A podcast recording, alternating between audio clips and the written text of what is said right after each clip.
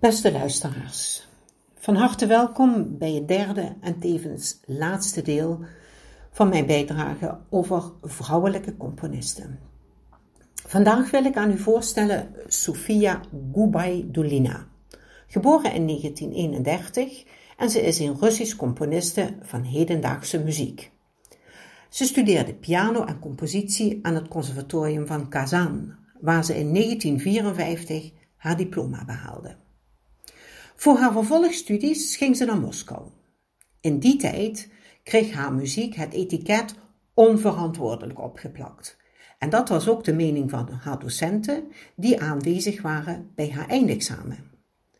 In deze moeilijke tijd kreeg ze veel steun van Dmitri Shostakovich, die haar aanmoedigde op de verkeerde weg door te gaan. In de jaren 70 richt ze een groep genaamd Astrea op. Deze bestond uit collega's-componisten die improvisaties maakten met instrumenten uit de volksmuziek. Dit werd er door de autoriteiten niet in dank afgenomen en ze werd door de Sovjet-componisten op een zwarte lijst gezet.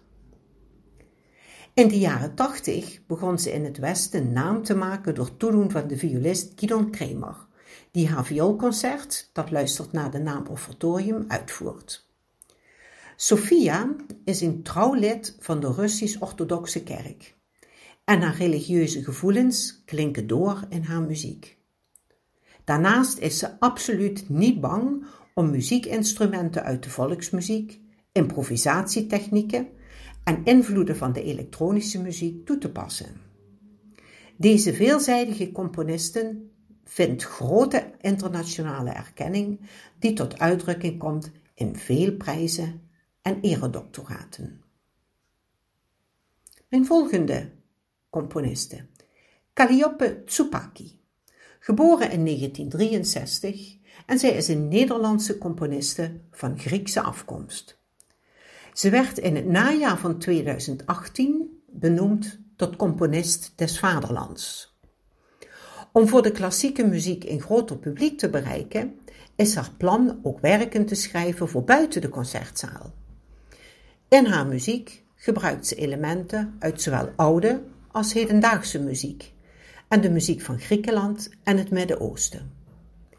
Enkele werken, muziek voor de Dag van de Mensenrechten, de 1 minuut opera Vesuvius, Salto di Sappho voor orkest, Tragudi, dubbelconcert voor klarinet en trompet en Bos Requiem Lignon. Een echte Nederlandse componiste, Henriette Bosmans.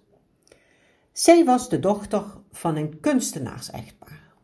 Haar vader was eerste cellist bij het Concertgebouworkest en haar moeder was pianiste. Toen Henriette één jaar oud was, stierf haar vader. Van haar moeder kreeg ze pianolessen. En ze heeft als pianiste gewerkt met beroemde dirigenten als Pierre Monteux, Willem Mengelberg en Ernest Ansermet. In 1934 verloofde Henriette zich met de violist Francis Koenen, zoon van een Nederlandse vader en Indische moeder. Haar geluk was helaas van korte duur door het overlijden van haar verloofde in 1935.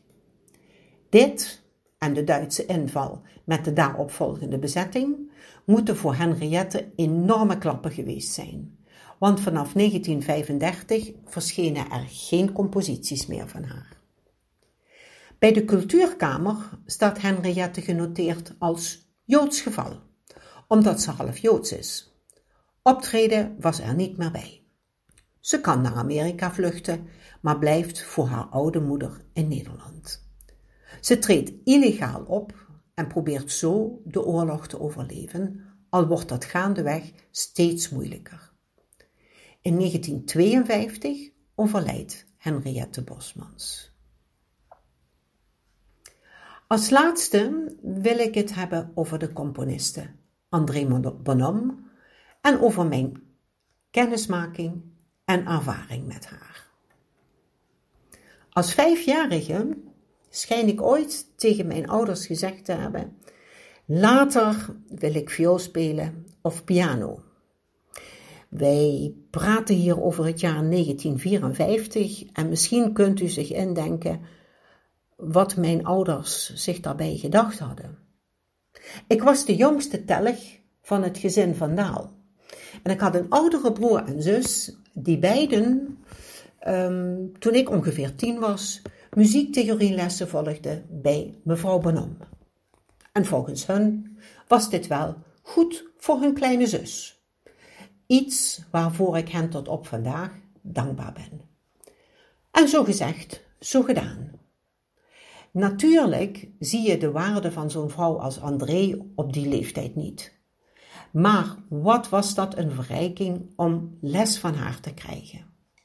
Ik leerde niet alleen perfecte kneepjes van de theorie, maar zij leerde me ook meerstemmige dictées maken. En dat was op zich al heel bijzonder dat dat op een muziekschool gebeurde, want normaal gesproken is dit stof voor het niveau conservatorium. En hier heb ik duidelijk voordeel van gehad tijdens mijn opleiding aan het conservatorium in Luik. Naast haar muzikaal talent sprak André vloeiend Frans en Italiaans en werkelijk geen enkele theorievraag was haar te gek. Later, toen ik al in het toenmalige Limburg Symfonieorkest speelde, heb ik de eer gehad haar sonate voor viool en piano te mogen uitvoeren. De originele partituur hiervan, die in mijn bezit was, heb ik geschonken aan de André Bonhomme Stichting, de stichting die haar nalatenschap beheert. André Bonhomme, die leefde van 1905 tot 1982, studeerde bij Maria Gillen aan het Maastrichts Muzieklyceum en muziektheorie en compositie bij Henri Hermans. Ze studeerde daarna nog in Den Haag. Tussen 1928 en 1940 ging ze zomers naar Darius Milhaud in Parijs. In het begin van de jaren 50 studeerde Bonhomme nog enige maanden in Maastricht bij Martiniel. In 1928 debuteerde zij als concertpianiste met het Maastrichts Stedelijk Orkest onder leiding van Henri Hermans met een pianoconcert van Mozart en als componiste met drie schetsen voor kamerorkest.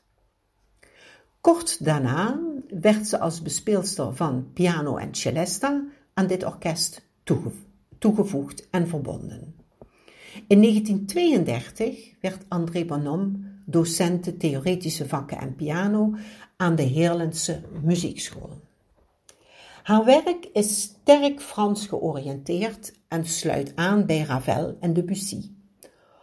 Ondanks de zeer Franse invloed in haar muziek bleef zij volgens verschillende recensenten toch zichzelf. Ze schreef ook vooral liederen op Franse teksten en weigerde tijdens de Tweede Wereldoorlog ook maar enige concessie te doen aan het naziregime. Uitvoeringen van haar werk bleven dus beperkt tot huisconcerten. Haar oeuvre bestaat onder andere uit liederen, pianowerken, kamermuziek en muziek voor viool en piano. Beste luisteraars, dit is het einde van mijn bijdrage aan de vrouwelijke componisten. Ik hoop dat ik uw interesse een beetje gewekt heb en dat u misschien op eigen houtje hier nog eens een keer iets over zult gaan opzoeken. Bedankt voor uw luisteren.